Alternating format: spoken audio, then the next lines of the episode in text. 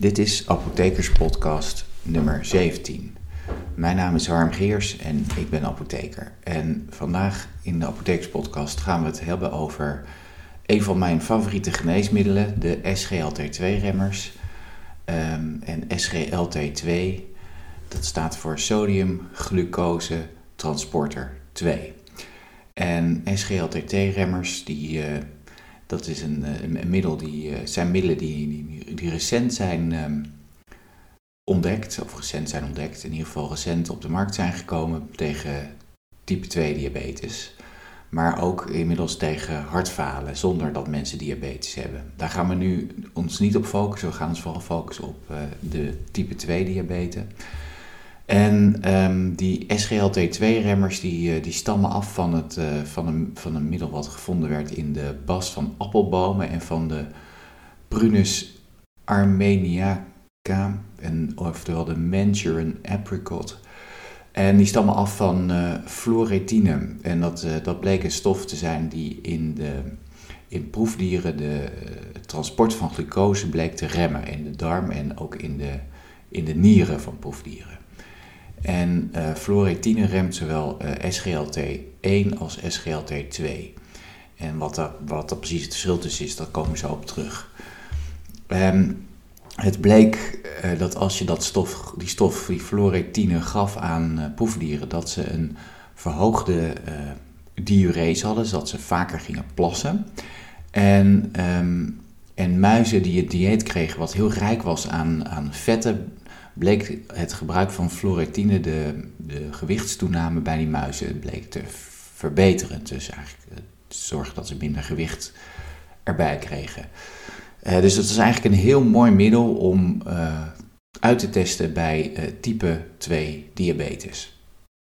Nou, um, SGLT1, sodium glucose transporter 1, dat komt voor in de nieren en in de darmen van mensen. En het zorgt er eigenlijk voor dat Glucose wordt opgenomen samen met twee ionen natrium, dus met zout eigenlijk.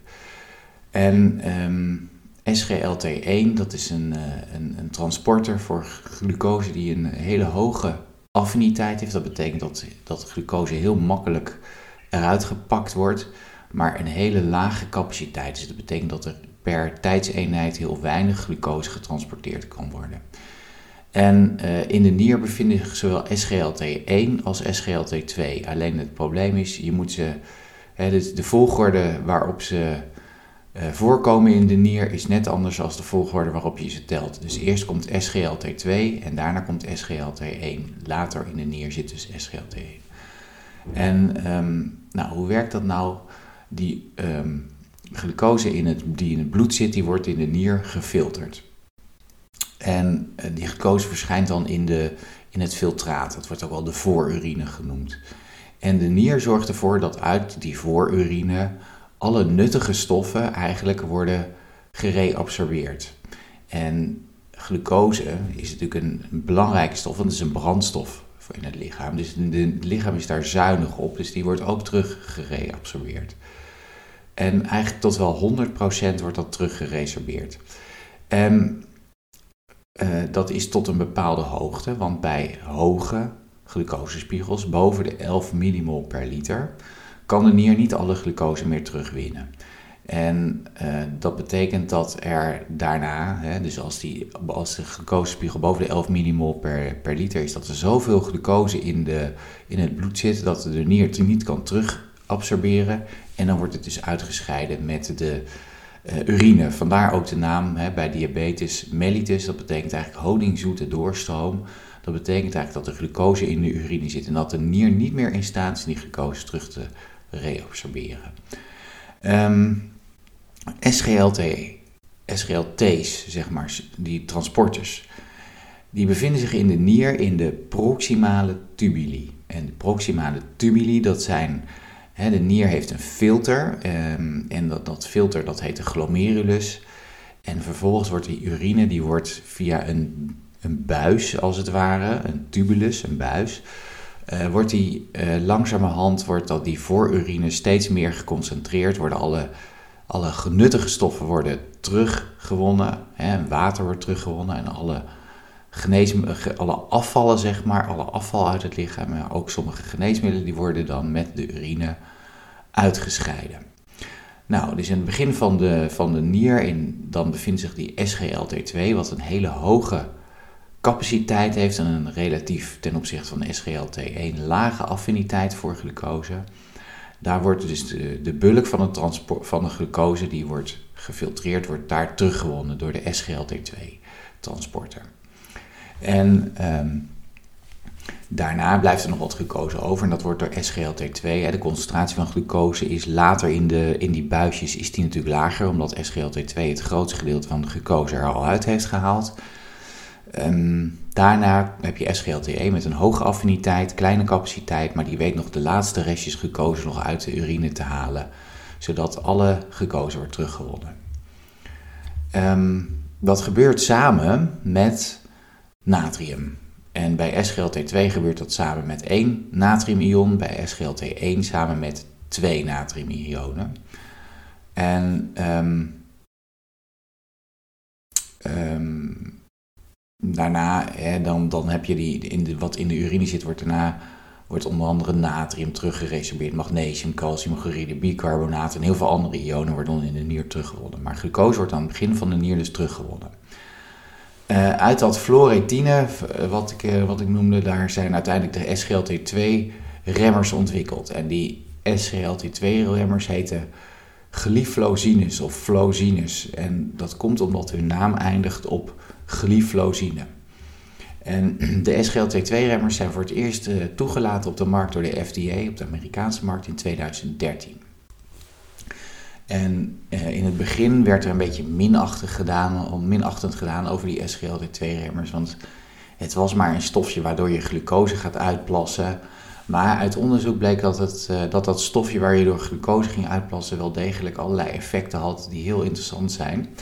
Um, nou, in Nederland zijn op dit moment vier SGLT2-remmers geregistreerd, maar wereldwijd zijn er veel meer. In Nederland kennen we empagliflozine, canagliflozine, dapagliflozine en ertugliflozine. En er zijn ook combinaties beschikbaar met metformine en met sitagliptine, één stof. En sitagliptine is een dipeptidylpeptidase 4-remmer. Die remt de afbraak van, eh, van eh, GLP-1. Nou, hoe werken nou die SGLT2-remmers? Nou, zoals de naam eigenlijk al zegt, remmen ze het sodiumglucosetransporter 2 in de nier, waardoor er minder glucose en minder natrium wordt geresorbeerd in de proximale tubulus van de nier. Um, en het, is belangrijk om te weten dat dus niet alleen glucoseopname wordt geremd, maar ook die van natrium. Um, en daardoor stijgen in de, uh, in de urine stijgen de glucosespiegels, maar ook die, van, die spiegels van natrium.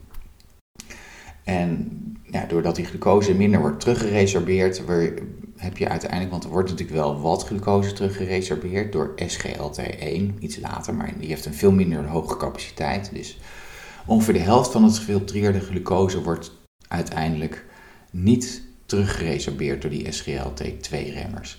En dat is zo'n 70 tot 80 gram per dag aan glucose, wat daardoor wordt uitgeplast. Uh, hierdoor dalen natuurlijk de glucosespiegels in het bloed. En um, het vetweefsel in type 2 diabetes is erg gevoelig voor insuline. En doordat die glucosespiegels iets dalen en doordat er wat minder glucose aanwezig is, zullen die vetweefsels langzaam overschakelen op de verbranding van een andere energiebron, te weten vet. Om hun uh, zorgen dat ze ATP kunnen aanmaken, hè? dat is belangrijk. Um, hierdoor neemt eigenlijk de lipolyse, dus de vetafbraak, toe. En uh, neemt ook het, uh, de hoeveelheid vetmassa neemt af. En dat, daarbij stijgen ook de vetzuren in het bloed. En die vetzuren worden in de lever verder afgebroken. En dat is onder andere in, uh, ontstaan er dan ketonlichamen. En uh, doordat er uh, vetafbraak plaatsvindt, neemt ook de gevoeligheid voor insuline toe. En, en door het uitscheiden van, van die glucose heb je ook minder energie beschikbaar en daalt je lichaamsgewicht ook. En dat is gemiddeld zo'n 2,5 tot 3 kilo bij SGLT2-remmers. Ehm, doordat er uh, minder natrium wordt gereabsorbeerd, ontstaat er ook een verhoogde natriumuitscheiding in de nier. En dat gaat gepaard ook met water, waardoor je uiteindelijk ook een daling krijgt in, het, in de bloeddruk. Dus er wordt natrium en water uitgescheiden en ook glucose. Glucose wordt ook uitgescheiden en glucose en natrium die houden vocht, die houden water vast. Dus je krijgt eigenlijk daardoor een verhoogde diurese. En dat leidt tot bloeddrukdaling. Gemiddeld zo'n 5 tot 6 mm uh, kwik is er in de daling in je systolische bloeddruk, dus in de bloeddruk op het moment dat je hartspier zo samentrekt. En 1 tot 2 mm kwik daling in de diastolische bloeddruk. En het HbA1c daalt ook een beetje, maar dat is eigenlijk zo bij die, bij die SGLT2-remmers niet zo'n hele belangrijke maat. Uh, maar dat daalt gemiddeld met 6 tot 11 millimol per mol. Um, en een van de belangrijkste dingen bij die SGLT2-remmers, en dat is ook het interessante aan hun werking, is dat ze ook de druk in de glomerulus, en dat is het filter van de nier, dat ze die doen dalen. En door daling van die druk, van die intraglomerulaire druk, uh, daalt ook de nierfunctie. Gemiddeld met 4 tot 5 milliliter per minuut aan het begin van de therapie. Maar dat is een stabiele daling, dus dat is niet erg. Um, en hierdoor is ook neemt ook de kans dat er uh, eiwituitscheiding in de urine dat dat afneemt. Dus de albuminurie neemt daardoor af. En dat is heel essentieel voor de positieve effecten van die SGLT2-remmers op het behoud van de nierfunctie op lange termijn. Um, dus daaruit blijkt eigenlijk dat die SGLT2 um, remmers een, meer zijn dan een stofje waarbij alleen de suiker uitplast. Nou, om heel goed te begrijpen hoe die SGLT2-remmers werken, is het belangrijk om te weten wat er gebeurt bij een hoge glucosespiegel, bij diabetes type 2. Door die hoge glucosespiegel zal, het, zal de nier geneigd zijn om heel veel glucose terug te resorberen. En, um, want ja, het lichaam is zuinig op glucose. Daarmee, als er veel glucose in die voorurine aanwezig is, zal er ook heel veel natrium worden teruggeresorbeerd. Want glucose en natrium worden samen teruggeresorbeerd in die proximale tubulus. En daardoor daalt de natriumconcentratie in het, um, in het filtraat of in die voorurine. En door die dalende natriumconcentratie zal, het, uh, zal de voorurine verderop de, de, je hebt eerst de proximale tubulus waardoor de, de urine gaat en dan, heb je de, dan kom je in de lis van Hendle. En die lis van Hendle dat heeft een, die heeft een dalend gedeelte en een opstijgend gedeelte. En bovenaan het opstijgende gedeelte, het dikke opstijgende gedeelte van de lis van Hendle, daar bevindt zich, hè, daar komt de lis van Hendle eigenlijk samen met een, het, het aanvoerende vat van de, de nier en uh, van, het, van, van het nefron. Het is, eigenlijk, een nier bestaat uit, uit, een, uit meer dan een miljoen nefronen. Dat zijn de eenheden in de nier. En um, die hebben allemaal een aanvoerend vat en een afvoerend vat. Dus die lis van Hendelen komt aan bij, dat, bij die, dat aanvoerende vat en daar bevindt zich ook de glomerulus. En dat dat plekje dat heet het juxtaglomerulaire apparaat. En dat is heel belangrijk om te weten, want dat juxtaglomerulaire apparaat dat heeft een belangrijke uh, functie. Het is namelijk, het bevat een natriumsensor, een natrium, uh, ja, eigenlijk iets wat natriumgehalte in de urine kan detecteren. En doordat er zoveel glucose in het begin van die nier is geresorbeerd met, samen met natrium, ontstaat er ter hoogte van het juxtaglomerulaire apparaat een hele lage natriumconcentratie. En doordat er zo'n lage natriumconcentratie ontstaat, denkt de nier eigenlijk, nou de nier denkt natuurlijk niet, maar die, die merkt dat er dan, hey, er is te weinig natrium in de urine. Normaal gesproken moet er meer natrium aanwezig zijn. Ik denk dat dat komt doordat er te weinig uh, gefiltreerd is.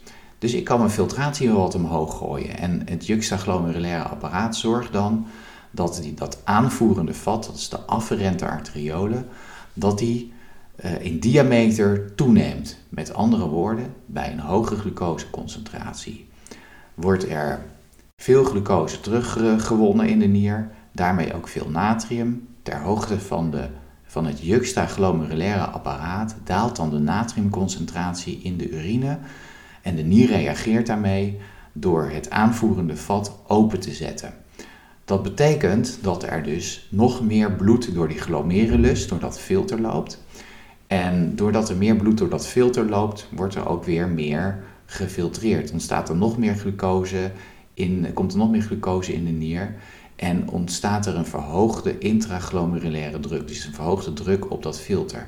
En dat noemen ze hyperfiltratie. Dat is iets wat bij diabetes frequent voorkomt. Bij hoge glucosespiegels ontstaat er hyperfiltratie. En uiteindelijk door die verhoogde druk in het, uh, in het filter kan dat filter beschadigd raken en neemt de kans dat er eiwit gaat lekken, die neemt toe. Het exacte mechanisme daarvan is nog niet helemaal opgehelderd, maar het blijkt al dat dat een belangrijke factor is voor nierschade. Um, als je een SGLT2-remmer geeft, dan neemt de glucoseabsorptie neemt af en ook de hoeveelheid uh, natrium wordt dan uh, minder, die geresorbeerd wordt. En doordat er minder natrium geresorbeerd wordt in, de, uh, in, die, in die voorurine, zal ter hoogte van het juxtaglomerulaire apparaat een verhoogde natriumconcentratie aanwezig zijn. En de reactie van de nier daarop is door de, die, dat, de diameter van het aanvoerende vat, om die te verkleinen. En daardoor daalt de intraglomerulaire druk en daalt ook de hyperfiltratie. En dat is een heel belangrijk eh, mechanisme, dat heet tubuloglomerulaire feedback. En SGLT2-remmers zorgen dus voor een verhoogde tubuloglomerulaire feedback. En daardoor daalt de druk in de glomerulus, in het filter, en uh, neemt het risico op nierschade neemt af. Nou, dat klinkt natuurlijk allemaal hartstikke mooi. En um, ik heb ook uh, op ons YouTube-kanaal, het YouTube-kanaal van de Apothekerspodcasten, een filmpje gemaakt waarin dat met tekeningetjes kan, wordt uitgelegd. Voor de mensen die het, die het nog een keertje goed willen nakijken, is dat handig om na te kijken. het verschijnsel tubuloglomerulaire feedback heb ik ook beschreven in een blog op de nieuwe website van de Apothekerspodcast, namelijk, de namelijk apothekerspodcast.nl. Daar kunt u dat ook nalezen en kunt ook de inhoud van deze podcast daar nog een keertje nalezen. Um, nou, het klinkt zoals gezegd heel erg mooi, maar uh, werkt het dan ook in de praktijk? Dat is natuurlijk altijd interessant om te weten. Nou, er zijn in ieder geval uh, veel onderzoeken al gedaan met SGLT2-remmers. Grote, goed, uh, goede, dubbelblind gecontroleerde, gerandomiseerde onderzoeken. En daaruit blijkt eigenlijk dat die SGLT2-remmers het gevolg van sterfte, al door hart- en vaatziekten verminderen bij type 2 diabetes. Dat het vermindering in nierfunctieverlies en terminaal nierfalen, dat dat afneemt bij gebruik van SGLT2-remmers. En dat is met name aangetoond in mensen die een heel hoog risico lopen op hart- en vaatziekten. Die hebben daar meer profijt van. Ook mensen met een minder goede nierfunctie. Dat bleek ook uit de, de Credence-studie bleek dat die mensen met een hele slechte nierfunctie uh, dat die uh, veel baat hadden bij die SGLT2-remmers. En een ander interessant uh, fenomeen is dat SGLT2-remmers bij, um, bij mensen die lijden aan hartfalen, dat komt nog eens voor bij diabetes, dat die minder hospitalisaties hadden. Dus het middel lijkt ook positief te zijn te werken op hartfalen. En dat is ook in studies aangetoond. Um, dat SGLT2-remmers bij hartfalen werken. En dat komt natuurlijk omdat ze eigenlijk misschien een beetje de, diurese verhogen. En dat het een, eigenlijk misschien eerder een soort diuretica zijn dan dat het eigenlijk bloedglucose verlagende middelen werken. Het is eigenlijk een soort hybride werking hebben ze. En uh, ook bij mensen die geen diabetes hebben en hartfalen hebben, lijken deze middelen een effect te hebben, een positief effect. Nou, um, als we dan gaan kijken naar, uh, naar een hele grote meta-analyse die heel kort geleden is gepubliceerd in de British Medical Journal, uh, daarin werden 764 onderzoeken samengevat met, met ruim 400.000 patiënten die allemaal een SGLT2-remmer gebruikten of een GLP-1-agonist gebruikten. En hieruit bleek dat zowel SGLT2-remmers als GLP-1 agonisten ongeveer even effectief zijn in het uh, verminderen van de sterfte door hart- en vaatziekten. En dat er een paar kleine verschillen waren. Nou, we hebben in podcast uh, nummer 16 hebben we het gehad over GLP-1-agonisten. Het is natuurlijk interessant om te weten wat dan het verschil was tussen die GLP-1-agonisten en die SGLT2-remmers. Zo bleek het dat uh, die SGLT2-remmers de sterfte door alle oorzaken, dat wordt in de literatuur, in de Engelse literatuur de all-cause mortality, en de ziekenhuisopname door hartfalen sterker verminderd dan GLP-1-agonisten. Overigens, GLP-1-agonisten remden ook de all-cause mortality. En van GLP-1-agonisten is weer aangetoond dat ze de kans op beroerte weer sterker verlagen dan die van SGLT2-remmers. Uh, en dus, zoals ik net al zei, beide middelen verlagen de all-cause mortality, dus de sterfte. De sterfte door hart- en vaatziekten uh, en door een niet-fataal hartinfarct. En verminderen de kans op nierfalen. Um, het interessante is natuurlijk ook dat SGLT2-remmers, maar dat heb ik net al gezegd, ook hebben bewezen dat ze effectief zijn in mensen met hartfalen die geen diabetes hebben. Nou, um, dat klinkt allemaal heel mooi en dat is het ook. Um, hebben die SGLT2-remmers dan ook bijwerkingen? Nou, er zijn aanwijzingen, en daar was men in het begin heel erg bang voor, dat die uh, SGLT2-remmers dat die de kans op diabetische ketoacidose kunnen verhogen. Uit uh, de meta-analyse die, uh, die ik net noemde, en die u kunt teruglezen ook in de literatuur. Het is een gratis toegankelijk artikel. Um, blijkt dat die diabetische ketoacidose eigenlijk uh, dat het risico daar eigenlijk niet verhoogd was. Uh, dat, dat, dat was de conclusie uit dat grote onderzoek. En um, ja, het risico op die bijwerking kan je sowieso um, verlagen als je weet dat wat de risicofactoren zijn voor het krijgen van een diabetische ketelacidose. Dat is met name tijdens een ziekte, tijdens koorts, tijdens braken en tijdens diarree. En het is dan ook verstandig om tijdens koorts, braken of diarree die SGLT2-remmer tijdelijk niet in te nemen en een paar dagen over te slaan. Dit is wel belangrijk om dit altijd te doen in overleg met uw huisarts of apotheker. En, um, en dat niet zomaar op eigen houtje te doen. Nou, die SGLT2-remmers, daarvan is eigenlijk uh, niet aangetoond dat ze hypoglycemieën veroorzaken. Die veroorzaken ze ook niet. En iets wat wel frequent voorkomt, maar wat goed te voorkomen is, dat zijn um, het, uh, het, het voorkomen van uh, genitale schimmelinfecties, zowel bij de vrouw als bij de man. Dus dat zijn schimmelinfecties van de geslachtsorganen. En dat is ook niet zo heel raar als je weet dat die SGLT2-remmers zorgen dat je meer glucose uitplast. Nou, die glucose is een hele goede brandstof voor, nou, voor schimmels en gisten die aanwezig zijn op de huid. Die, die zitten er sowieso, daar kan je niks aan doen. Maar doordat ze meer voeding krijgen, kunnen ze uitgroeien. Dus het is heel belangrijk om een, een goede hygiëne um, te, uh, te betrachten of, of te zorgen dat je een goede hygiëne hebt uh, op het moment dat je die SGLT2-remmers um, gebruikt. Dus dat betekent um, probeer de restjes urine weg te spoelen, weg te vegen. Um, nou, dat kan bijvoorbeeld door een fles uh, met, met water uh, naast de wc te zetten, bijvoorbeeld waarmee je de, de restjes urine weg kan spoelen.